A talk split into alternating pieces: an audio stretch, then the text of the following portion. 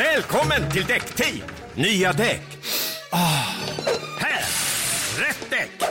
Och där! Snyggt! Ha! Ja! Där satt den!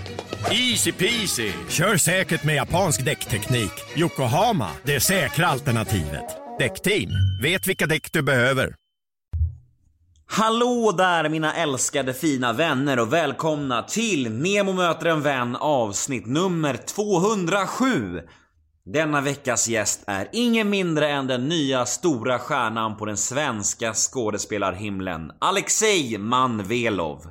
Men innan vi drar igång dagens avsnitt så vill jag ju faktiskt, ja, slå ett slag för min bok som nu är släppt.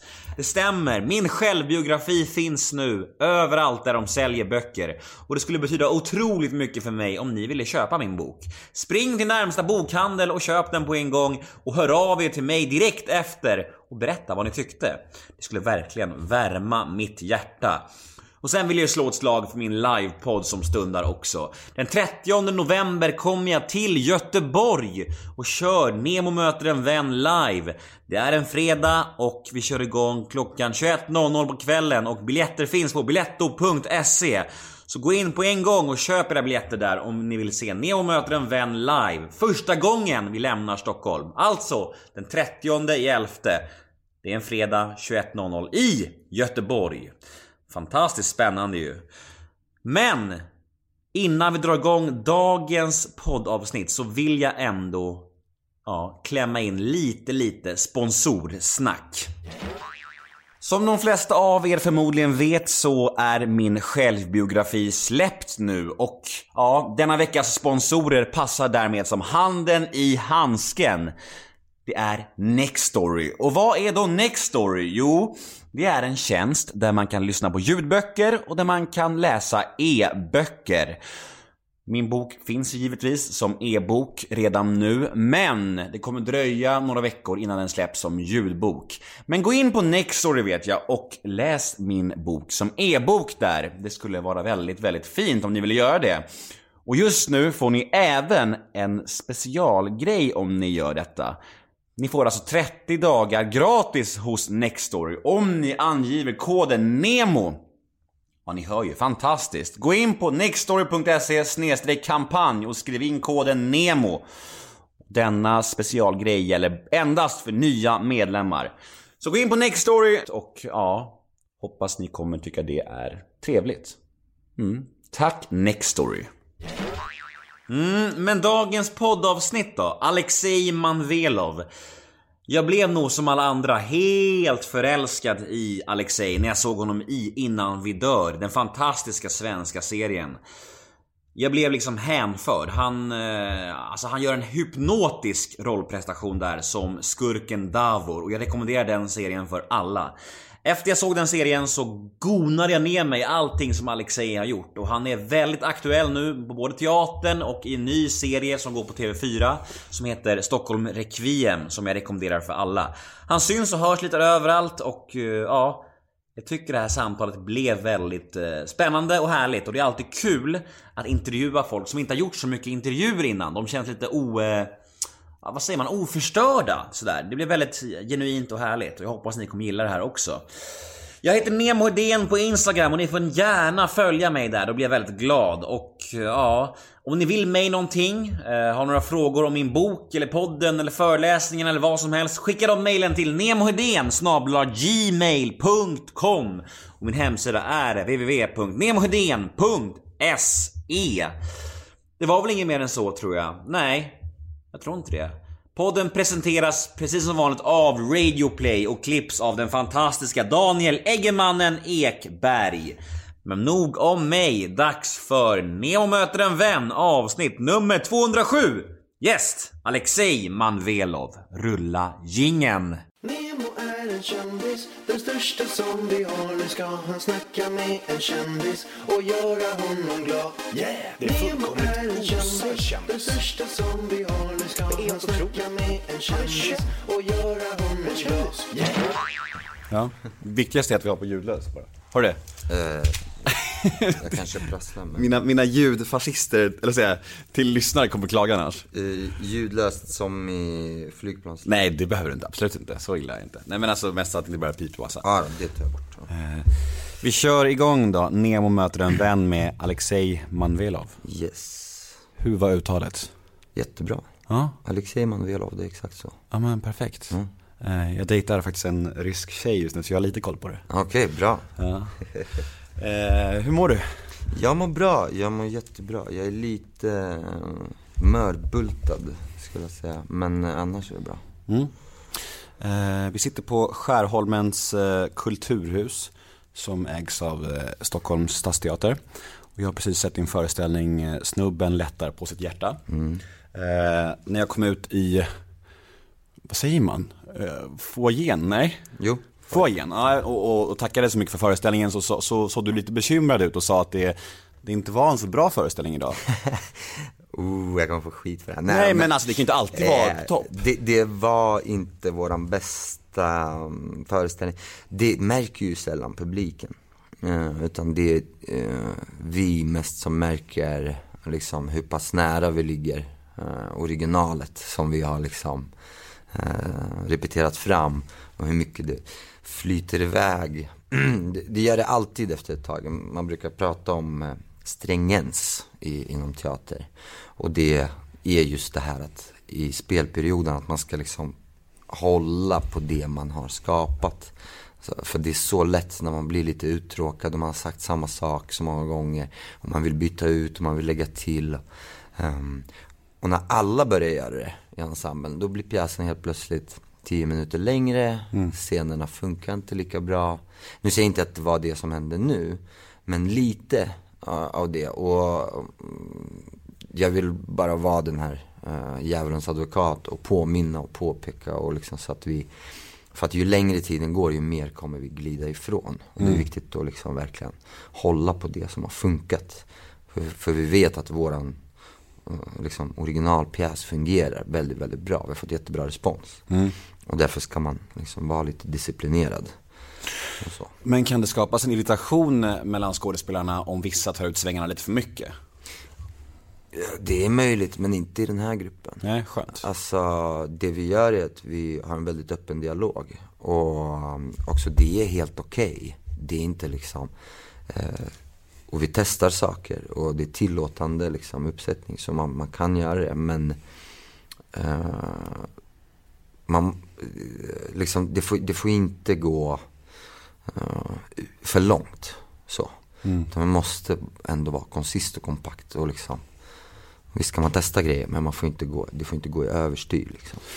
Jag intervjuade Anders Ekborg för ett tag sedan och då eh, pratade vi lite om Kristina från Duvemåla som de körde så här 600 gånger eller något sånt här. Alltså helt vansinnigt. Fruktansvärt. Alltså jag fattar inte riktigt hur man kan hålla det kul så länge. Alltså det måste ju bli helt sjukt efter så här 300 föreställningar. Nej, jag förstår inte heller. Jag, jag har inte gjort så mycket teater och det är absolut, det absolut svåraste med teater tycker jag. Det är att föreställning 39, att hålla samma låga som du hade på premiär. Det låter helt omöjligt för mig. Och det, jag tycker det är absolut det svåraste med teater. Du fick ju hoppa in i den här ensemblen ganska tätt in på, bara några veckor före premiär va? Två veckor? Eh, Ja, man kan säga att jag fick två och en halv vecka och repa. Hur fan går det ihop då? Alltså det måste ju vara svinjobbigt att få in så mycket text i skallen på bara två veckor. Eller är, har du lätt för det där? Det, ja, dels är jag ju skådespelare så det är mitt jobb Ja. att att kunna det. Och du, du kan inte riktigt säga att du är en skådis om du inte besitter en kapacitet att plugga in text och, och ganska snabbt. Men de andra har ju fått mycket längre tid på sig. Ja, absolut. Men de ska inte bara eh, memorera en text. De måste ju sätta en pjäs. Och så. Och jag hoppade ju in ganska sent. Eh, och det är relativt mycket pjäs, men det är eh, text. Men det är inte så mycket. Det, hela pjäsen är en timme och en kvart. Och jag är en av fyra skådespelare. Så det är inte, det är inte överdrivet. Ehm, plus att eh, vi jobbade väldigt, väldigt intensivt. Och ehm, det är väldigt tydliga scener. De är väldigt konkreta. Så det är inte så mycket att hålla på med. Det, det är egentligen bara sätta att det är det här vi gör och göra det, sätta det, komma ihåg hur vi gjorde när vi satte det. Och sen är det bara att göra om det. Så det var lugnt. Och dels det som gav mig, eh, liksom, jag tyckte inte ens det var svårt överhuvudtaget. Jag tyckte inte ens att det var läskigt. Och det beror på att jag var med i en pjäs på Dramaten som heter Idioten. Eh, som Mattias Andersson satte upp baserat på Dostojevskijs bok Idioten. Och då var det David Dencik som hade huvudrollen och den här pjäsen var med paus tre timmar eller någonting. Och de sista sex föreställningarna, då hoppade Mikael Jonsson in istället för David Dencik i huvudrollen. Och då pratar vi huvudrollen i en pjäs på tre timmar. Mm. Eh, Där han måste bära i princip varje scen. Och Micke fick en repetition med ensemblen. Så efter han överlevde det, så var jag så här, det, alltså, det där är ju, nu har jag satt ribban. Så jag var inte alls, jag tänkte bara på honom. Jag tänkte, om Micke kan göra det där, då kan jag göra det här, inga problem. Fan vad mäktigt ändå. Ja, det, det var, jag bara tittade på han under alla de där sex föreställningarna och bara, när kommer han liksom bara springa från scen? Ja. Det gjorde han inte, han klarade det väldigt, väldigt bra faktiskt. Coolt. Eh, igår så intervjuade jag eh, Peter Jöback och när man intervjuar sådana här människor som har gjort så här tusen intervjuer, då är det väldigt svårt, eller det blir en utmaning för mig för att jag måste hitta någon vinkel som inte de har hört tusen gånger, du vet. De har gjort så mycket intervjuer och jag vill ändå liksom så här vara lite originell. Eh, och sådär. Och så det är ganska svårt att intervjua de här gamla i gamet. Men när jag skulle träffa dig nu så är det lite tvärtom faktiskt. Jag försökte göra research kring dig och det är ju, var inte lätt. Eh, jag tror att jag har fått lite kött på benen, men eh, du är ju lite ett oskrivet blad, alltså känns som i, i, i stora intervjusammanhang. Okej, ja nej men det är nog. Jag har inte gjort så många. Nej, och därför, det blir ju faktiskt Faktiskt roligare måste jag säga, för mig. För jag kan ju liksom bara egentligen sätta mig här och trycka på räck och säga berätta din livshistoria, så är jag tyst sen. Not gonna happen. nej jag ska, jo, Vi får väl se. eh, Ja nej jag har inte gjort så mycket intervjuer. Oj. Men jag tänker ändå att vi ska ta det, vi kör från början då. Född i Moskva 1984, stämmer det? Nej, Nej! Ni- Du 19, ser. 1982. I wish 84. Jävla Wikipedia! I, I wish 85, I wish 86. Nej då. Men, Wikipedia säger 84. eh, God bless Wikipedia faktiskt. Jag skulle jättegärna vilja Men Moskva i alla fall. Moskva 82 eh, är jag född. Eh, Vad är dina första minnen i livet? Gud, det är en väldigt bra fråga. Jag vet inte. Jag, jag minns bara att jag var fem när jag fick min så här, inre röst. Jag kommer ihåg att jag vaknade på morgonen, ljusen, äh, solen lyser och jag bara hör någon i mitt huvud. Och jag hade ju aldrig hört det innan. Och sen, det är nog det tidigaste, eh, det är nog inte det tidigaste minnet jag har men Eh, jag kommer inte ihåg kronologin liksom på mina minnen. Jag minns inte vilket som var liksom först. Men vad sa den här rösten då? Nej men det är ju den inre rösten vi har. Det är bara att jag hörde den. Och det, var så, det minns jag så tydligt bara. Att jag gick upp en dag och bara, vad fan är det där? Och sen dess har den aldrig tystnat. Det, Nej men jag tycker att det är det, det är det asspännande. första minnet, så här, konkreta minnet jag. Men sen har jag ju massa minnen. Men jag vet inte om de kom före eller efter det eller mm. Svårt att säga. Ja. Men Ja. du bodde väl i eh, Ryssland tills du var tio? Tills jag var tio. Det stämmer i alla fall. Ja. Hur, vad har du för minnen från Ryssland? Jag har massor minnen. Eh, Jag blev ju som sagt eh, hela tio år. Så jag minns, och jag bodde där från 82 till 92. Vilket var Sovjetunionen. Eller i alla fall slutet på eh, sovjetiska eran där. Så jag minns liksom eh, Sovjet, jag minns eh, liksom jag växte upp i en liten by utanför Moskva. 20 minuter utanför stadsgränsen, vilket är att föredra faktiskt. Och, eh, det var ju en, eh, en underbar eh, barndom. För att det var en liten by, alla känner alla. Man kunde vara ute, när jag var fem var jag ute till tio på kvällen. För att folk tog hand om mig och visste vem jag var och matade mig och såg till att jag kom hem. Och, så väldigt, väldigt bra barndom. Men, um, ja. Varför, eh, varför lämnade ni Moskva då? Eh, det är olika anledningar, men eh, mina föräldrar skilde sig. Eh, eller så här, min pappa flyttade till Sverige. Uh, de, de ville lämna Sovjet. Um, och min pappa flyttade till Sverige och sen eh, så var det meningen att vi skulle komma efter. Men det blev inte så utan mina föräldrar skilde sig. Och då åkte jag för att bo med min pappa. För att, um, ja men mycket för att uh, situationen i Ryssland var väldigt uh, instabil. Uh, och ja, det, jag fick liksom ett val. Jag fick välja. Kan man göra det som tioåring? Ja, alltså jag kunde det. Jag vet inte om de verkligen menade när de sa, vart, vad vill du? Och jag sa Sverige utan att blinka liksom. Mm. Jag var ju väldigt äventyrslystet barn så. Mm. Men alltså att, att eh, byta land så eh, Alltså det är ganska stor skillnad tänker jag på länder och när man varit tio år. Alltså jag tänker att Vill man inte vara kvar i sitt hemland? Alltså helst? Nej, inte jag. Alltså, jag var sjukt nyfiken. Mm. Och jag tyckte att det var så spännande att åka till eh, Karlsson på taket, eh, landet liksom. Det var så de sålde in det? Ja, och dels liksom, och pappa berättade om Sverige och eh, på den tiden luckrades Sovjet upp också. Så vi fick mm. in liksom, man började se liksom musik och eh, an, vet, eh, bilar och liksom från väst och det, det, såg ju så jävla flashigt ut allting. Mm. Så det lockade ju väldigt, väldigt att åka till, till väst. Mm. Men hur, hur var du som barn? Var du en nyfiket barn? Supernyfiken. Jag var jättenyfiken, ganska gränslös. Mm. Uh, jag är ju så här väluppfostrad som man säger. Men uh, jag var ju en liten vilde, vilket jag är fortfarande tror jag. Så, mm. Nej men det var, det var, det var väldigt kämpigt i början, uh, absolut. Men grejen är, jag, jag har tänkt på det där mycket, för jag har fått den här frågan så ofta. Uh, jag har nog aldrig, hur jobbigt det än har varit, tanken har aldrig slagit mig att jag borde åka tillbaks. Eller säga, fan jag skiter i det här och åker tillbaka.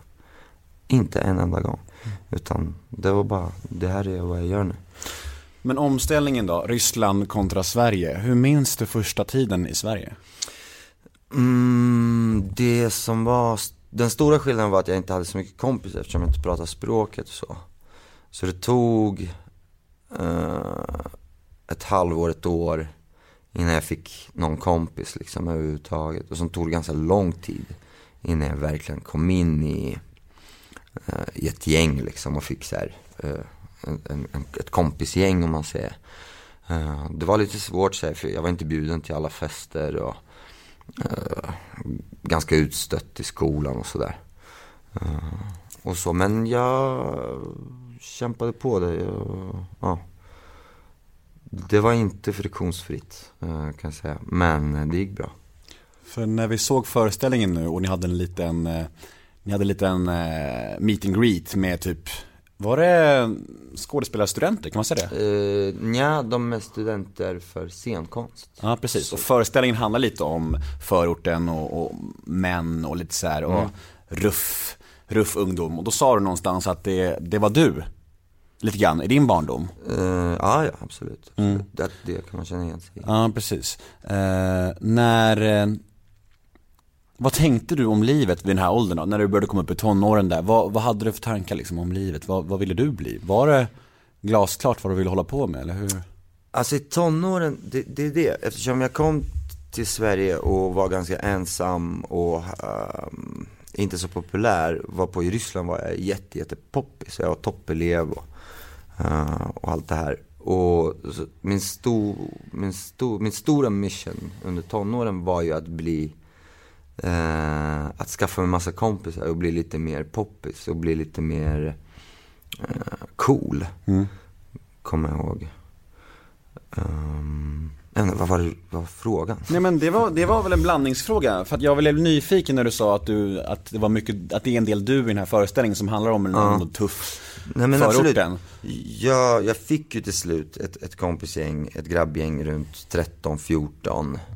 Uh, och då var det mycket så här, hänga på skolgården, snacka om den tjejen eller uh, hit och dit. Jag var inte liksom den tjejtjusaren kan jag säga i gänget. Det var jag inte. Jag trodde det faktiskt. Nej, jag var helt, uh, jag vet inte varför. eller jag, jag har väl min teori om varför, för att jag var väldigt annorlunda liksom när jag kom till Ljungsbro där. Jag var en av väldigt få eh, invandrare där. Liksom, man kunde räkna alla på en hand. Eh, men ehm, så, ja, nej jag hade, det var ganska segt med tjejer. Eh, eller sådana typer av relationer. Så, men visst eh, skedde det. Det var folk som frågade chans på mig sådär. Men jag bara, "Vad- Hade du, lätt, eh, hade du lätt i skolan och sådär och socialt och? Skolan i, i liksom ämnen hade jag väldigt lätt. För det är mycket högre tryck i, i Ryssland, mycket högre krav. Så när jag kom till Sverige så, eh, jag menar matematiken var ju långt före. Eh, många andra ämnen var jättelångt före. Men jag kunde inte svenska eller engelska. Så jag var tvungen att plugga i kapp eh, båda. Vilket jag gjorde. Eh, jag lärde mig svenska på ett halvår. Eh, året efter jag kom till Sverige så var jag bäst på svenska i en hel svensk klass.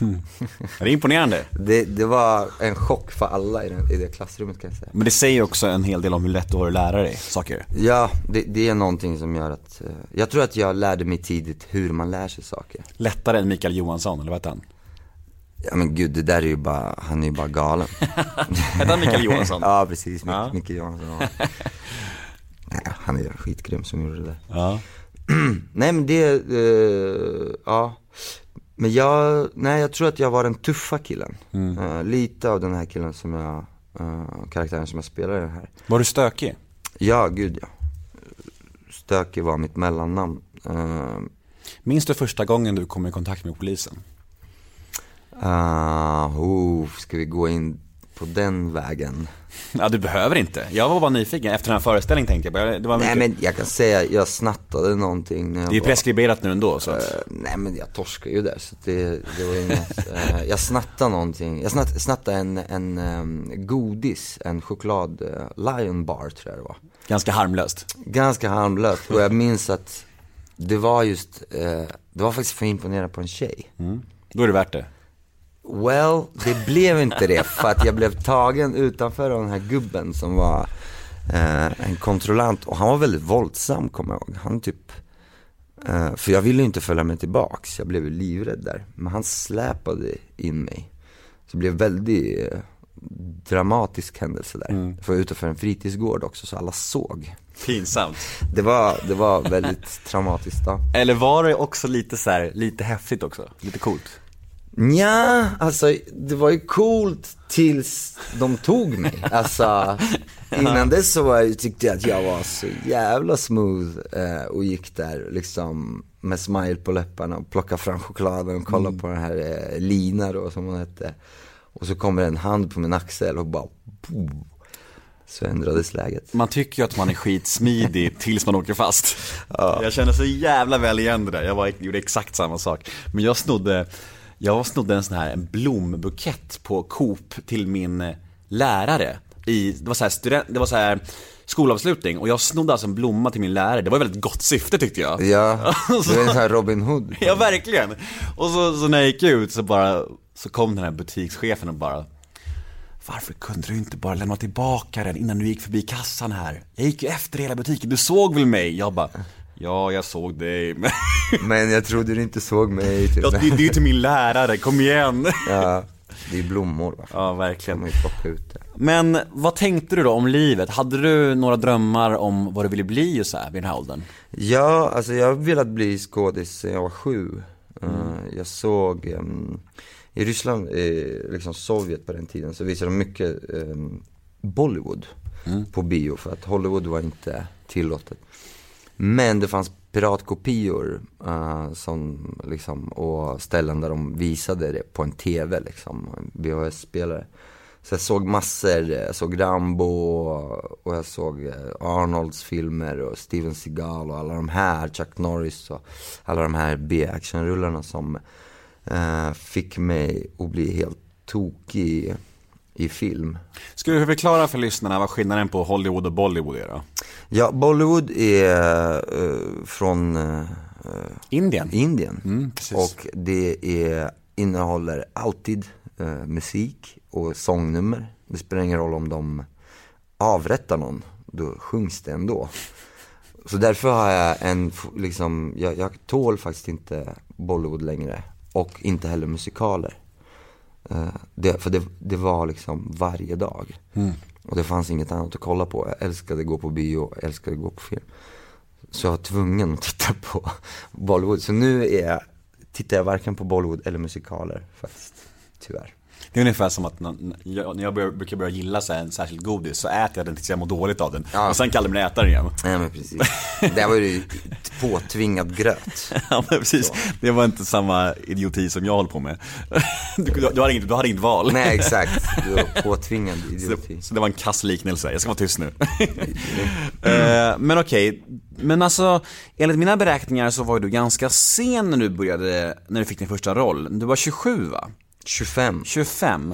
Ja, jag, är- jag är ständigt två år fel här med allting. Wikipedia vet du, man måste ha källkritik. Ja men precis, ja men det finns fan inget, det är svårt, jag försökte, tro mig. Ja. Men efter det här finns det massa, så det är bra. Men, men det... Det- är ändå ganska, det är ändå ganska många år där. Alltså det är säkert, eh, ja, i alla fall sju, åtta vuxenår där, där du inte har börjat med skådespelaryrket. Vad gör du då? Hankar du runt det eller hur? Nej men precis, jag gick eh, teater på gymnasiet och... eh, Södra Latin eller? I wish, då hade jag verkligen inte eh, haft något uppehåll här. Utan hade jag, eh, nej, jag gick på Anders Ljungstedts gymnasium i Linköping. Eh, teaterprogrammet där och... eh, Var det bra? Nej. Eh, Det var inte bra, eller det var säkert bra för de som eh, var där hela tiden och ingick i den liksom. Jag hade väldigt svårt att, att hamna i en grupp. Jag hade väldigt svårt med det för att eftersom det hade liksom präntats in i mig att jag inte tillhörde liksom i Ljungsbro. Uh, förutom mina grabbar då, de hade min rygg men alla andra var liksom, mm, de, de, jag, jag kunde liksom inte lita på de här sammanhangen riktigt. Så jag hamnade aldrig liksom i klassen ordentligt och jag hoppade av eh, sista halvåret och så eh, började jobba och liksom, och i småstäder så drömmar är, de, de släcks ner väldigt snabbt och man måste vara pragmatisk och Jantelagen. Ja, lite absolut. Folk började himla med ögonen när jag sa skådespelare. Överhuvudtaget nämnde ju ingen Hollywood eller något sånt, utan bara skådespelare. Och bara såhär, men du, du skulle vara glad om du får städa. Du vet, på den här skolan och få en fast anställning. Så det var liksom som alla andra, börja jaga pengar, börja jobba, öppna företag och massa grejer som eh, gick helt okej men sen, eh, jag mådde ändå väldigt, väldigt dåligt. Ehm, men sen så landade jag min första roll. Eh, det, det kom upp en audition och en kompis till mig som sa det är några killar som ska göra en film. En independent film och de söker skådespelare och vill du prova? Så här, och jag bara ja, jag har alltid velat bli skådis och så provade jag. Och så fick jag den rollen. Och det gänget är Crazy Pictures. Eh, och nu är de eh, jättestora. Eh, och ska göra liksom, de har skrivit eh, kontrakt med Hollywood och liksom hela den grejen. Och släppte sin långfilm, Den blomstertid nu kommer nu i somras, som jag var med i också. Och därifrån, då gjorde jag den eh, rollen och då ramlade ju polletten ner och bara, men det är ju det här eh, jag har velat göra, det här som jag ska göra. Och då bestämde jag mig att från och med nu så ska jag satsa 100% på det här.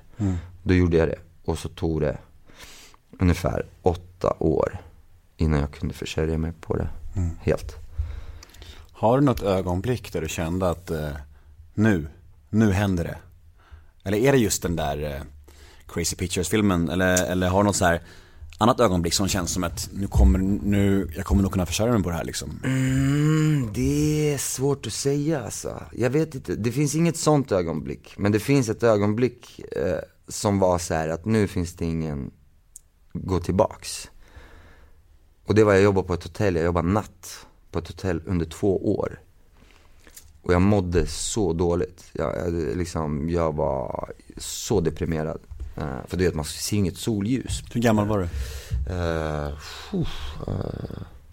vad var jag? Var kanske 27? Nej, vänta nu. Inte 25, du, du. ja, eller 28. Någonstans där. Eh, då eh, hade jag redan börjat, jag hade flyttat till Stockholm.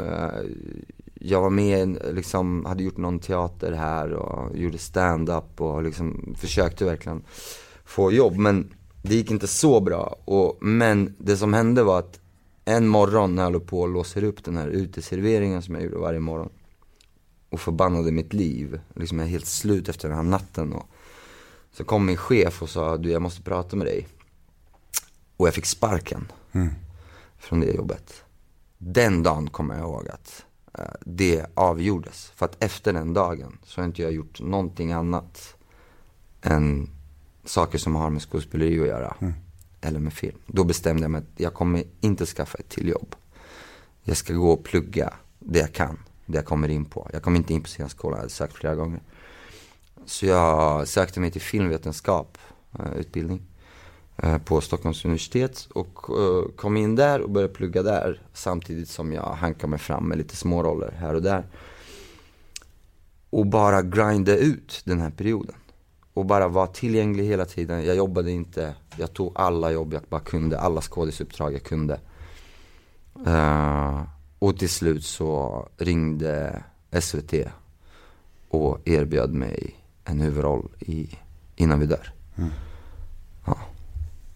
Fantastiskt, vilken cirkelslutning va? Du fick, Ja. fick ihop det fint där. Det...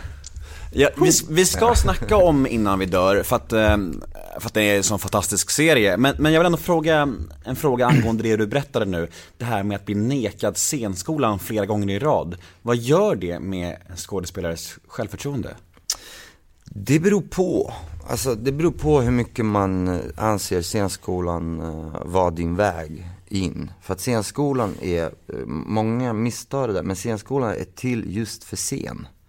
Det man blir utbildad i på scenskolan i Sverige är, eh, liksom läroplanen är till för att, eh, vänta, ska se om jag får formuleringen exakt rätt här. Det är att föra svensk scenkonst vidare. Och den uppgiften gör de superbra liksom. Och det eh, ska vi göra. Men det är ju absolut inte den enda vägen in i skådespeleriet. Och scen är inte det enda mediet där skådespeleri utövas. Så att, Välkommen till Däckteam! Nya däck. Oh. här! Rätt däck! Och där! Snyggt! Ha!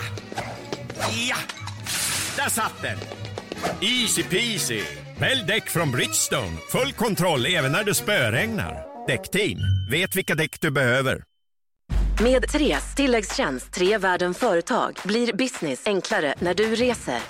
Mejla från strand i Thailand. Eller videokonferens från USA. Med tjänsten kan ditt företag surfa och ringa i 80 länder. Välkommen till Tre företag. Innan vi dör, eh, kommer du ihåg att jag skrev till dig för några månader sedan? När jag hade sett det? ja, Ja. jag minns det. Ja. Ja. Eller jag taggade Tack dig för tror det, jag. tack för det. Jag taggade dig i, i en Insta-story och skrev att eh, serien i allmänhet var, är helt fantastisk och eh, karaktären Davor som spelas av dig är eh, magisk i synnerhet skrev jag. Då skrev du tack så jättemycket, någonting sånt där. eh, berätta lite om det, eftersom att jag blir sällan, jag blir sällan förälskad i svenska serier, jag ska vara helt ärlig med dig. Men den serien var hypnotisk tycker jag. Och jag tycker att den, den hade liksom allting och det är så jävla bra ensemble och den är så välgjord och den känns jävla icke-svensk i sin produktion. Eh, den, gjorde- den gjorde någonting med mig som att jag liksom inte, jag bara slukade den liksom på typ tre dagar. Eh, hur hamnade du i den serien och har du samma bild av den som jag har? Eh, oh, nej, det har jag nog inte. Eh, jag hamnade där, det var ju det samtalet som jag eh, pratade om tidigare. Jag hade gjort en uh, avsnittsroll i Arne Dahl, som heter Dödsmässa. Skumt för att, ja. Anyway, jag hade gjort en avsnittsroll där som inte alls var någon stor, stor roll. Och då eh, hade Maria Nordenberg eh, sett det. Och hon är producent på SVT. Och då ringde hon in mig för en provspelning eh, för Davor. Och så fick jag den. Eh, och När du ändå kände så att du har landat en huvudroll i en stor SVT-satsning, det om något borde väl vara som en liten milstolpe tänker jag. Ja, absolut. Men för mig, vid den tidpunkten så var det så här, okej, nu har jag fått en stor uppgift. Eh, det är en av tre liksom, huvudroller i, eh, det finns ju ännu fler st- stora karaktärer, men det är de här som de liksom promotar som, som tre stora rollerna. Och eh, det var ju stort ansvar och, och allting sånt. Och, och, och det skådespelare måste tänka på, nummer ett, är, när du får jobbet, då börjar ditt jobb. Det är inte, du ska inte ropa hej, absolut inte. För det kan vara det sista du gör i den här grejen. Om du inte aktar dig liksom. Så, så, så fort jag fick den, då var det så här, okej, nu, hur ska jag göra? Och börja arbeta. Den där lättnaden och den där, wow, shit. Den kom när vi började sända och det gick, så här, vi fick rekordpublik, det gick jättebra och bara liksom alla bara lovordade serien. Då var det så här, okej, nu, det här är nog mitt break i Sverige. Ehm, och så, men det, det handlar verkligen om att man, in, man får inte slappna av liksom. Det, Men när man spelar in en sån serie som sen blir så pass stor, kan man känna i stunden under inspelningen att fan det här vi gör nu är riktigt bra? Eller är det alltid liksom, är det alltid en överraskning vad som blir stort och vad som inte blir stort? jag vet inte, man, man, kan, man kan bedöma sina förutsättningar. Eh, liksom att det här, nu har jag absolut inte så bra förutsättningar här. Så jag måste liksom trolla för att det ska bli bra eller för att jag själv tycker att det blir bra. Och sen finns det liksom bättre och sämre förutsättningar. Innan vi dör, min karaktär var absolut eh, superintressant eh, när jag läste den. Jag bara wow, det här är en jätte, jätteintressant, svår figur att göra. Vilket är eh, direkt lockande för en skådis, för det är det man vill. Man vill ha svåra uppgifter, man vill inte ha de enkla. Dels att det var en, eh, huvud, en av huvudrollerna. Um, det var jättemånga inspelningsdagar liksom. Men det jag såg snabbt i manuset för, eh, för Innan vi dör var tempot och att det kommer vara behållningen, att den är väldigt, väldigt spännande. Så jag visste att den styrkan finns med oss. Men jag hade ingen aning. Eh, man, man, och jag tror det är bra att förhålla sig till, till material, att så här, eh, material är bara material tills ni har gjort någonting. Men sen kan man känna att wow, den här scenen, jag brukar säga att det lirade väldigt bra. Och det är när man känner att det verkligen händer någonting. Att det händer någonting i scenen, det händer någonting på riktigt. I, ni skapar ett, en verklighet som verkligen är, börjar existera. Men du kan aldrig veta om det blir en succé eller inte. Det, det, det, det är liksom, du kan tro, du kan hoppas och, och så. Men det är svårt att räkna, räkna ut. Hur kom karaktären Davor till då?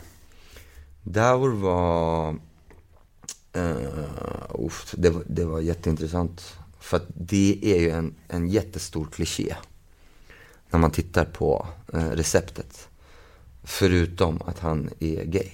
Ja det är lite, det är lite, lite, går ur ramen lite grann. Ja men precis. Det men gör det ju så jävla intressant på något sätt. Ja, och det finns ju andra gangstrar som, som är gay liksom, som är Omar eh, i eh, The Wire och liksom eh, sjukt intressanta eh, gestaltningar.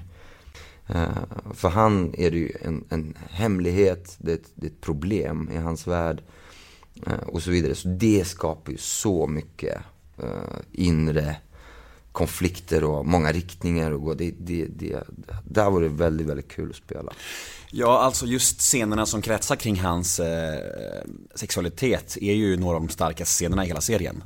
Det är ju helt, man blir ju, alltså man sitter ju som på nålar alltså när de, på klubben och det där, det är ju helt fem plus alltså. Jag tycker det är svinbra. Ja, den, den var väldigt svår att göra faktiskt, den klubbscenen kommer jag ihåg. Ja.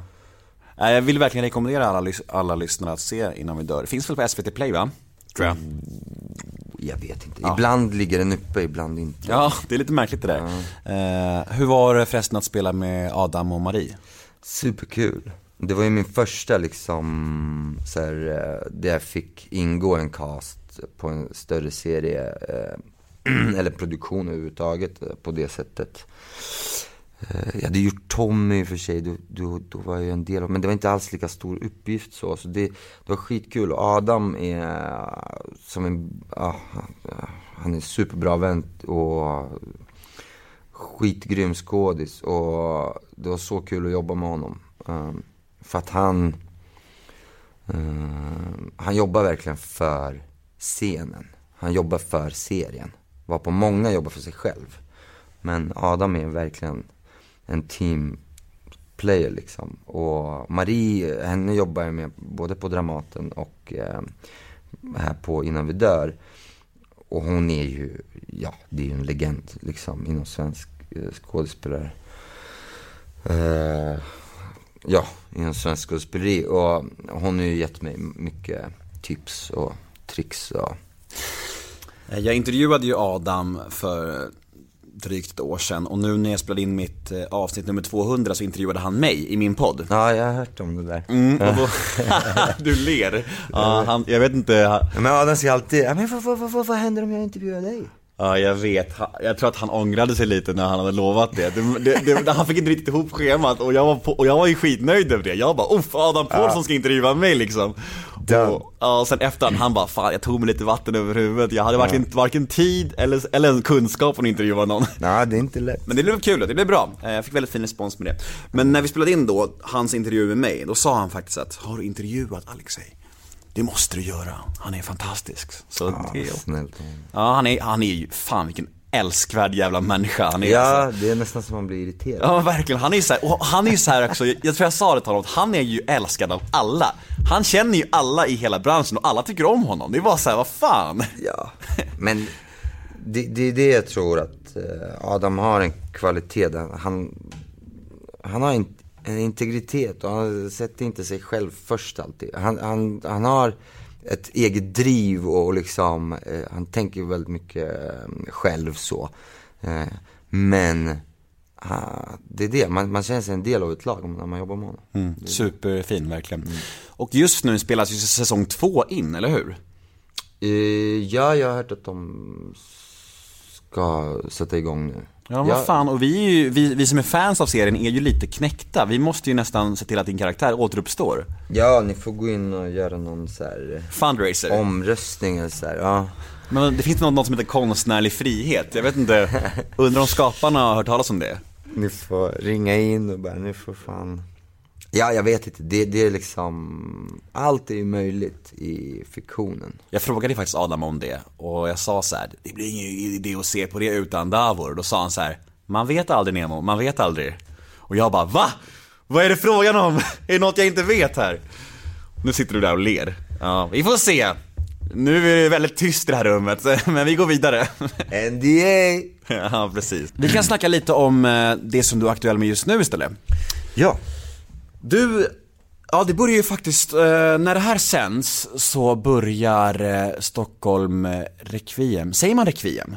Ja, de vill att det ska vara det svenska uttalet, vilket är requiem. Jag tänker på Requiem for a Dream. Ja, jag brukar säga re- re- requiem, requiem. Alltså det är, det är ju inte ett svenskt ord, alltså så, det är väl latin. Tror Vad betyder Requiem? dödsmässa. Mm. Precis som eh, det här Arne Dahl-avsnittet som vi spelade in, hette också. Just det, just det. Men den hette dödsmässa, den här heter Stockholm requiem. Okej. Eh, Stockholm Requiem, Re Requiem, ja vi, vi får se hur vi säger. Men eh, är en serie som eh, går nu på, på Simor och TV4 va? Ja, den, eh, de första två avsnitten släpps idag, det är premiär idag. Eh, onsdag den, Vi spelar in den 3 oktober. Den 3 men det här släpps om ungefär två veckor. okej då... eh, Då är det igång överallt. Då bör, bör den vara igång på fyran också. Ja. Absolut. Ja. Och du spelar eh, mot eh, två andra fantastiska Nemo möter en vän bekantingar, Liv Mjönes och Jonas Karlsson. Yes. Kan, vad kan du berätta om serien och, eh, ja, gå loss, sälj in det. Ja, Stockholm Requiem är då en kri- krimserie. Eh, Det handlar om eh, eh, främst Fredrika Bergman men också om hennes kollegor Alex Recht och eh, Peder Ryd som jag spelar. Eh, och det eh, är en serie mord, eh, det är 10 avsnitt gånger 45. Eh, men eh, de, det är två avsnitt som hänger ihop med varandra, de behandlar ett särskilt mål. Men sen hänger alla avsnitt ihop. Det finns en röd tråd som är de privata linjerna, liksom, det person, den personliga resan som de här poliserna gör. Och den är väldigt, väldigt snygg. eh, det är krim så det är liksom enligt eh, genrens alla eh, regler. Men det är också eh, nytt och fräscht så. Och vi i casten eh, tillsammans med regissörerna Karin Fahlén och Lisa Olin jobbar jättemycket med eh, vår eh, dynamik som, som den här trion. Eh, så att även när vi ger information till publiken om liksom något vittne eller så som man måste göra liksom på crime och så, så har vi dramatiserat de stunderna ändå. Ja, Så det, det känns väldigt spännande. De, de är sjukt duktiga skådisar. Och eh, eftersom jag spelar mot dem hela tiden så var det väldigt mycket utrymme för kreativt arbete. Vi kunde liksom, ja men vi gör den här, vi provar det här. Och så satte vi det direkt på första liksom. Och så, men vi kan testa någonting annat nu. Och så testade vi någonting och så satte vi det och så. Så det var ganska lätt att jobba med dem. Jag läste en recension angående den här serien och då eh, pekar också recensenten mycket på det vi pratar om. Att, att, eh, att eh, det var en ganska bra recension på serien men på ert samarbete, ert, ert tre huvudroller så var det verkligen så här högsta betyg. Att det var superkemi och att ni hade så här elektrisk, eh, ja mellan er var det verkligen hur bra som helst. Och att det märktes att ni verkligen hade någonting hög, hög klass mellan er. Och så det, man blir ju supernyfiken liksom. För både Liv och Jonas är ju, alltså de är ju så jävla duktiga tycker jag alltså, personligen. Och väldigt, nu, nu blir det ju så att man lätt man bara hyllar folk, alla skådisar vi pratar om, men de är också så här älskvärda människor. Så att jag ser verkligen fram emot den här serien. Och eh, Ja, cool. Väldigt mörk hörde jag också va? Ja, den är mörk och brutal och, och kall skulle jag säga också. Alltså. Men um, det, det, det um, nej den är cool alltså. Det, det är lite, det, det, det finns massor referenser men jag tänker inte dra dem nu liksom. men, men det är mörkt, det, är eh, ganska gritty men det är ändå, man känner igen sig alltså. Det, det är Stockholm liksom. Och eh, det som är kul för mig det är att jag, jag får ju, det här är ju min första snut som jag gör, liksom en, en utredare. Jag har spelat blå, eh, liksom, uniformerad polis i någon Crazy Pictures grej. Men mm, det här är den första liksom, ja men snuten. Och, det- och jag gjorde en eh, gubbe som jag är ganska nöjd med. tror Jag, jag gillar honom. Fan vad spännande. Eh, jag måste ändå säga det också, att du känns ju som en sån som kommer att få roller i Hollywood. Det känns som en så här. Det känns som en tidsfråga innan du kommer vara en skurk i en Mission Impossible-film eller, eller James Bond-film. Ty, typ som Ola Rapace eller Micke Nyqvist var. Det hade ju varit superkul. Eh, jag har faktiskt, uh, nu ska jag inte prata bredvid mun här, men jag har faktiskt skickat in vad vi kallar self-tapes till eh, ett par sådana produktioner. Eh, Hollywood då, vad vi kallar ut, utlandet. Men det, har- det har inte eh, gett frukt ännu. Vad tänker du om Hollywood överlag då? Är det, nu har du ju just slagit igenom för den stora massan i Sverige visserligen, men eh, känner du att du vill över? Ja, alltså det är klart. Jag tror att alla skådespelare vill ha den erfarenheten att få jobba med de produktionerna. Och nu, faktiskt i somras så var jag faktiskt med i en HBO-serie eh, som heter Chernobyl. Eh, som regisseras av Johan Renck eh, för HBO, liksom det stora HBO.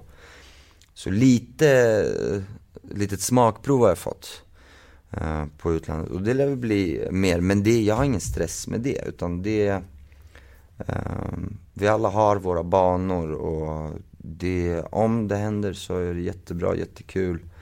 Om det aldrig blir av så kommer jag inte dö olycklig ändå. Ja, ja, vi är väldigt bra i Sverige ja, och vi håller en väldigt hög internationell standard. Så skulle jag liksom eh, ja, men känna mig lyckad här så skulle jag känna att det är ändå på en världsnivå oavsett. Så. Det går ju rätt bra för dig ändå. Så. Ja, herregud. Det går ingen nöd på dig. Nej. Eh, tre frågor om eh, skådespelaryrket då. Eh, vad är det svåraste med ditt yrke? Ehm, att eh, behålla sin... eh, att vara modig. Ja. Att våga. Vad är det roligaste med ditt yrke? Det roligaste, men gud, det är vad svårt det blir. Det roligaste, det är att göra scenerna, det är att spela, att lira. Och vad är det jobbigaste? Ja. Det jobbigaste är att inte få jobb. att inte ha något att göra. Mm. Absolut. Ovissheten. Ja, den, den får man nog, den är kvar där, vare sig du får jobb eller inte. Ovisshet, det, det, här, det här yrket är så speciellt för du är aldrig säker. Aldrig. Det spelar ingen roll vem du är. Om du är Tom Cruise. Alltså okej, du har alla pengar i världen. Eh, på banken och så. Men det är inte säkert att folk vill jobba med dig.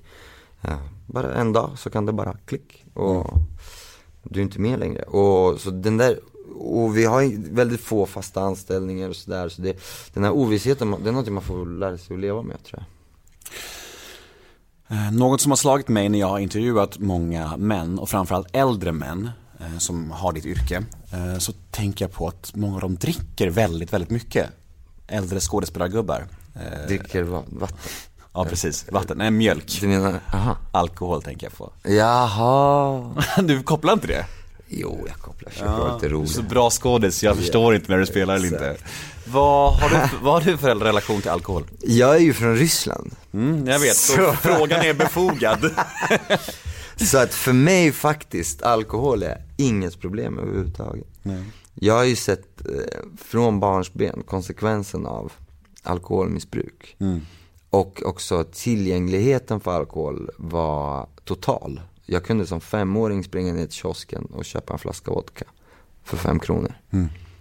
Alltså inte till mig, men Mm. Nej. till någon gubbe som skickade mig dit för att han var för full och fick inte köpa mer. Alltså fy fan vad mörkt. Det är Russia my friend. Ja, jävlar. eh, det, det, nej då, men det, ehm, på den tiden så var det ju så. Nu, jag, jag tror inte det är så längre riktigt. Men eh, anyway. Så mitt förhållande till alkohol, jag har inga problem. Och, men jag har överhuvudtaget den här, det här skådespelargeniet. Och speciellt det manliga skådespelargeniet. Är ett koncept som jag är väldigt trött på.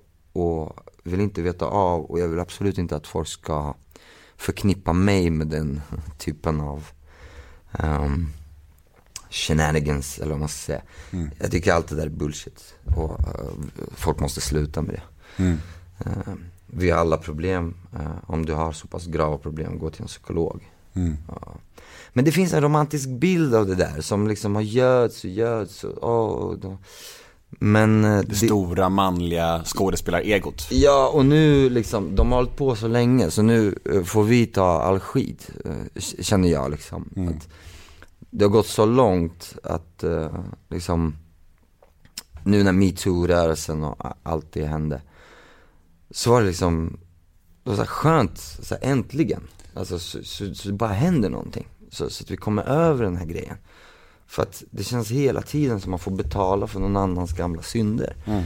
Eh, alltså inte för att jag är felfri eller eh, liksom, jag har ju haft min resa eh, och lärt mig mycket liksom gruppdynamik i teatern och hur man ska förhålla sig till, till sin ensemble och respekt för team och crew och liksom och kvinnor och barn och djur och allt.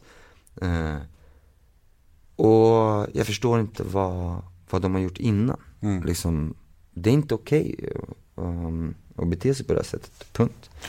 Vad tänker du om narkotika då? Alltså jag menar inte, jag förstår att du inte konsumerar det nu idag, men jag tänker historiskt sett. Har du någon relation till det alls? I, alltså gud, ska man verkligen säga det här nu? Ja, du får välja själv. Jag är ganska liberal. Eh, för mig eh, så är problemet, det är missbruk. Mm. Det är inte substanser, alltså nu pratar jag väldigt generellt här. Jag har inte eh, missbruksproblematik, anser jag själv i alla fall, av, något slag så. Jag röker cigaretter, som jag försöker verkligen sluta med. Hur mycket röker du? Jag röker relativt, ja, 10 cigg om dagen, eh, liksom, och det är en bra dag. jag försöker ha, nu du ser jag sitter här med tuggummi. För jag eh, ska gå upp i vikt till, till min nästa roll och sådär. Men, eh, och, men missbruk är, det, det grundar sig i eh, psykisk ohälsa. Och det är det man ska titta på. Föreställningen som ni just nu spelar, eh, som jag har sett, den har ju fått väldigt fin kritik. Eh, jag läste några recensioner och den är unisont hyllad. Eh, men hur tacklar du sämre kritik då? När du väl blir... Eh, blir du ledsen då, eller rinner det bara av dig? Gud, hur går den här labyrintlåten? Uh, vi skiter i recensioner och kritiker, för vi är ortens favoriter. Jag skiter i det faktiskt. Eh, är det verkligen In- sant? alltså? Inte helt och hållet såklart. Det är ju jätte nice att läsa fina saker om sig själv. Men, det- alltså det är ju, jag blir glad för att det är så här, det, det, ja men det hjälper till på att fylla teatern liksom. Men eh, den, just den och just den här pjäsen eh, görs inte för någon kritiker eller recensioner överhuvudtaget. Det, den, är, den är inte ens för en, inom situationstecken, eller citattecken, vad säger man, eh, en teater, för en teaterpublik så. Den är för ungdomar, eh, 14 och uppåt.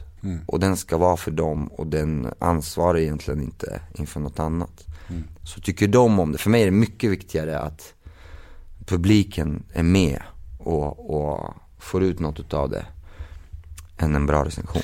Ironiskt då att en föreställning som inte ens är för publiken eh, blir så hyll- hyllad. Ja, nej nej den är för publiken, den Ja. är bara inte för, det, för det finns en viss teaterpublik som, som Ja, alltid förstår. går på Jag teater förstår. och, och de har liksom, ja det här teatrala greppet och wow den här scenografin och vi har bara skalat ner allt det där och vi bara pratar med, med vår publik, med vår målgrupp. När man intervjuar dig, eh, vi har suttit nästan en timme nu och min känsla angående dig är att det har varit några ganska tuffa år i ungdomen och tidiga vuxenåren som, eh, som du inte jättegärna pratar om och det är för mig helt okej. Det, det, det, det är min känsla bara. Att det är ganska mycket mörker där som du inte gärna pratar om i media och det är helt normalt. Men jag tänker, din relation till dåligt mående och mörker idag, när livet är ganska bra och du verkar må ganska bra idag tänker jag. Eh, när mår du som sämst idag och hur hanterar du ångest idag? Jag tror det som har orsakat mest eh, depression hos mig är mina relationer. Eh, med mina partners och liksom när de har gått dåligt. Eller när de har mått dåligt eller någonting som har hänt med dem. Som har försatt mig i liksom absolut eh, jobbigast tillstånd. Um, och här i Sverige så tror jag är väldigt bra idé att käka vitamin D alltså. För att det är brutalt liksom. Det, du vet när februari kommer då, alltså. Inte, det är inget att skoja om men man vill ju ta livet av sig alltså. För att det är, så, så käka D-vitamin, jag tror det är superviktigt. Men eh, det, det, jag tror att man, man måste, ehm, i vardagen så finns det väldigt, väldigt my, mycket drama och, och trauma som man ska vara, se upp för alltså. Det är inte bara i extremsituationer. Det är nog mer vanliga livet skulle jag säga. Men när mår du som sämst då, idag liksom? När kan det bara skölja över dig? När får du bultande ångest? Idag, det, det är så svårt för mig att ha ångest. För att jag är verkligen där jag vill vara. Jag är verkligen, uh, ja men jag ska säga på topp liksom. Jag Vad mår- fint! Jag, jag, var, jag Grattis! var, ja tack. Jag vaknar och jag vaknar med ett leende på läpparna för jag gör det jag vill, det jag drömt om. Jag har människor omkring mig som tycker om mig. Jag tror inte jag, jag tror jag känner två personer som jag vet eh, inte tycker om mig. Men annars, Känner all, alla andra jag känner vet jag tycker om mig. Och det är väldigt viktigt för mig. Vad fan vilken märklig mening. Jag känner två personer som inte tycker om mig. Ja men det, det, det är två personer som jag känner till som jag vet ka- kanske har någonting emo- emot mig men alla andra jag känner så, så vet jag att de eh, gillar mig och det, det får mig att må skitbra och, och så. Och jag är också singel. Vilket liksom tar bort den där um, grejen ur ekvationen att jag kan må dåligt över min eh, partner och så. Men vilket jag fortfarande gör ibland ändå. Så. Har du barn? Nej. Vill du ha barn? Ja, inte just nu. Eh, för att det måste vara med rätt person såklart. Eh, men jag har mina vänners barn. De är som mina barn. De är mina brors barn och systerbarn. Du känns ju, du känns ju väldigt självsäker. Alltså det känns som att du har någon slags eh, Oh ja. Ja men typ, men att du känns som en trygg människa, att du liksom har en grundtrygghet och en självkänsla och sådär. Är det, är det en sanning eller är det en fasad? Det är en sanning. Det är en sanning. Jag är självsäker för att jag är säker på det jag utger mig att vara säker på. Det är för att jag är säker i mitt yrkesliv, för att jag har studerat. Jag har kanske inte gått scenskolan, men jag har läst Ja, jag, jag har läst väldigt mycket. Liksom, jag, det, det här kommer inte gratis liksom, utan man måste jobba. Och jag har jobbat mycket och gett mig fan på det. Och där, då kommer min självsäkerhet därifrån. Det, den är inte från, från luft. Eh, eller för att jag har haft framgång. Utan den grundar sig i en kunskap. Eh, och sen har jag liksom studerat människor och liksom det sociala och hur man liksom navigerar och, och i samhället och, och, i sitt liv och blivit säkrare och säkrare på vad jag tycker om mm, min omgivning och sådär och hur jag förhåller mig till den. Och därför är det, jag är ganska självsäker. För jag, jag känner inte att, jo jag känner att jag har massor att bevisa. Men jag har inte så mycket att bevisa för mig själv längre, kanske. Mm. Så. Men när blir du riktigt osäker då? Huh. Jag blir osäker. Jag blir nog osäker inför människor jag vill ska, som jag vill ska tycka om mig. Om jag träffar någon som jag blir så här, eh, typ lite kär i. Det behöver inte vara, betyda något romantiskt så, utan bara, bara bli kär i en person. Så här, wow, den här människan är så, så cool. Och då vill jag att de ska tycka om mig och då kan jag göra bort mig. Mm. Och säga bort mig. Så, eh, jag kommer ihåg nu, det slog mig. mm. Silvana Imam som jag absolut inte känner. Men, men liksom beundrar väldigt mycket. Jag kommer ihåg att jag såg henne komma ut från färgfabriken någon kväll. Och så står jag och kramar min tjej. Och så ser Silvana Imam. Och så blir jag bara så helt ställd. Och så gör jag så här. Och hon tittar på mig som jag var liksom helt galen. Och jag kom på mig själv och min tjej bara tittar och det blir jättecringe och så går Silvana Imam iväg. Och min tjej tittar på mig och bara, vad fan gör du? och jag bara, jag vet inte. Oh, det var Silvana. Ja, fan. Så, det, så jag, då blev jag osäker. Awkward. Eh, vi har ett segment här som heter sex snabba. Det är lite snabbfrågor. Okej. Okay. Är du med? Okej. Okay. Mm. När ljuger du? Aldrig. Vad lägger du mest pengar på? Kläder. Hur snygg tycker du att du själv är från en skala 1 till 10? 9. 9. Ditt värsta karaktärsdrag? Ah. Jag kan inte kritisera mig själv. Ja, det är väl det. Du är så bra han är nia och han har inga dåliga karaktärsdrag. Det här är en drömkille alltså. Nej men att jag är dålig på att kritisera mig själv. Ja men det är sant, bra svar. Där, där har du. Jag ber om ursäkt. Eh, vilken svensk kändis är du mest trött på att läsa om i media? Jimmy Åkesson. Vad skulle bli det största, vad skulle bli det första du förändrade som statsminister? uh, som statsminister? Det största som jag förändrade? Eller första? Uh, jag skulle etablera en medborgarlön. Mm. Vad innebär det? Eh, innebär att eh, vi ska ha en grundsäkerhet för alla medborgare i samhället. Att du, ja.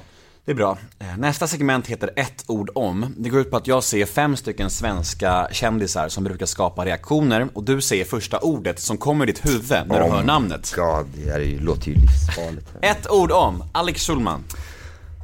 Pratig. Marcus Birro. Förvirrad. Sara Larsson. Uh, sjunger bra. Det är två, det är två ett ord. Okej, okay, sjunger. Jimmy Åkesson. Kan man göra ljud? Ja, det funkar bra. Leif GW Persson. Trött. Mm, det är han. Du gjorde ett väldigt bra jobb i ett ord om måste jag säga. Och avslutningsvis så ska vi damma av fem stycken lyssnarmail. Okay. Är du med? Ja. Veckans mail nummer ett. Hej Alexej. Du är så het! Är du singel? Om så är fallet, hur gör man för att få gå på en dejt med dig? Uh, ja, ja. uh, det, det, är ju några uh, som slide in the DM och det funkar väl. Det, kan, det, det, går alltid bra att skicka ett meddelande men jag tycker det är lite konstig dynamik att, börja så. Men man vet aldrig. Det, så det, det kan man testa. Har du varit eh, på dejt med några så här tjejer, en. tjejer som har kommit in i Instagram DM? Ja, faktiskt en. Det, det, var en tjej som verkligen inte gav sig. Ett fan alltså? Ja, I alla fall hon tog kontakt med mig uh -huh. via Instagram. Uh -huh. uh, och jag kände inte henne sen tidigare och hon kände inte mig och vi har inga gemensamma bekanta och sådär. Uh, så jag gick på en dejt, det var väldigt konstigt. Så, ja. Nästa mail. Alexej. Alexej. Om du skulle få sy ihop din drömcasting till en långfilm, hur skulle den då se ut? Både, både skådisar och regissör. Säg en regissör och en manlig och en kvinna spelar med. Är det i Sverige vi pratar eller? Vi kan uh, köra både och om du vill. Gud, Börja med Sverige. vad svårt. Okej, Sverige. Regissör. Nej men det här går ju inte. Det, uh. Ehm, jag skulle vilja jobba med, okej. Regissör, som jag inte har jobbat med. Ehm, jag säger Daniel Espinosa. Kvinnlig skådespelare, Eva Melander. Alla kategorier. Manlig skådespelare som jag inte har jobbat med, Persbrandt. Och så kör vi utländskt också. Utländskt, då skulle jag vilja jobba med regissör. Skulle vara spännande. Oh, det är så svårt att välja alltså. Men det skulle ju vara någon sån här Nolan. Eller någon sån, såklart. Nej, faktiskt. Det är Martin Scorsese. Och eh, det är Robert De Niro. Och det är Meryl Streep. Alltså det är toppen av det toppen. Nej, bra svar. Eh, Nästa mail. Vad har du för relation till Ryssland idag? Är du ofta där? Har du mycket släkt där? Jag var där för första gången på 20 år i julas. Eh, min relation till Ryssland, det är eh, en bra relation. Det är mitt land som Sverige är, som, eh, jag är kurd också. Liksom. Så det är en del av eh, min identitet, men det är inte, eh, ingen av mina identiteter dominerar, förutom den svenska då, såklart. Men jag, jag har olika bakgrunder, så det, är en del av min bakgrund. Så Hur många språk pratar du? Tre, svenska, ryska, engelska. Ja, inte kurdiska. Nej, tyvärr så kan jag varken Sorani eller Kurmanji. Okej. Eh, finns det något som heter kurdiska?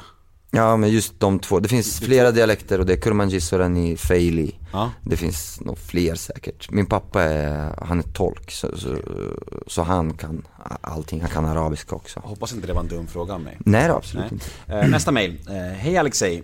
Hur orolig är du över att bli typecastad endast som skurkar och maffia framöver? Med tanke på att du har det klassiska utseendet. Jag är inte alls orolig för det.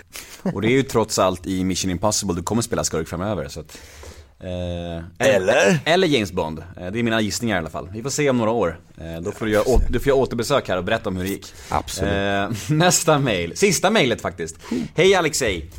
Märker du någon skillnad i branschen på folk som har gått scenskolan och, som in, och folk som inte har gått det? Hur ser skillnaden ut i sådana fall? Alltså på hur de agerar och sådär. Nej, man kan inte göra den distinktionen på skådespelare. De som har gått scenskolan, de som inte har, det är, nej. En skådespelare, eh, de, de är människor och det som skiljer dem åt är, är allmänmänskliga saker. Så jag, jag tror att uh, scenskolan, det, den lär dig teknik. Massa olika tekniker som, är, som du inte klarar dig utan eh, på en scen. Du måste kunna vissa saker bara. Så är det bara. Att skådespela är som att sjunga. Du måste kunna träffa en ton. Det är inte bara att gå ut och ställa sig och göra ljud, eller hur? Nej. Men folk har ett jättekonstigt förhållande till skådespeleri. De tror att det är bara att gå ut, säga en sak och så antingen blir det bra eller inte. Så är det inte, det finns en teknik bakom. Så. Men eh, jag tror att nej, det, det är inga skillnad på dem Nej. faktiskt. Okej, du, vi börjar bli klara. Sweet. Ja, eh, vad ligger i pipen nu närmst då? Eh, Stockholm, Requiem, Requiem, Requiem? Stockholm Requiem. säger Stockholm så. Requiem, säger vi. Snabbt och enkelt. Ja. Det, den är premiär, den är på G nu. Sen Ja. spelar jag den här föreställningen, Snubben lättar på sitt hjärta. Eh, Som jag kan rekommendera varmt. Den går alltså på Skärholmens eh, kulturhus eh, fram tills fram till 26 november. Men ta inte mitt ord på det utan gå in och kolla på hemsidan. Där finns det spelschema och där kan du också boka och köpa biljetter och så vidare. Och sen eh, ska jag ge dig en liten morot här för eh, allihopa också. I slutet på november så börjar vi spela in en ganska stor ny serie där jag spelar huvudrollen. Oj! Så se upp, det kommer bli riktig fire och eh, det kommer bli något helt fantastiskt tror jag. Kommer du berätta mer om den serien när jag har tryckt på stopp här? Nej, NDA. Vi får väl se. Eh, gå in och följ eh, Alexei på Instagram, där heter du Man we love. Man We Love. In och följ honom och eh, följ mig, jag heter Nemo Hedén på Instagram. Stort tack till dig Alexei Tack till dig. Manvelov. Det här var supertrevligt. Ja, det var det. Puss och kram, hej då! Kram, hej då. Hej då.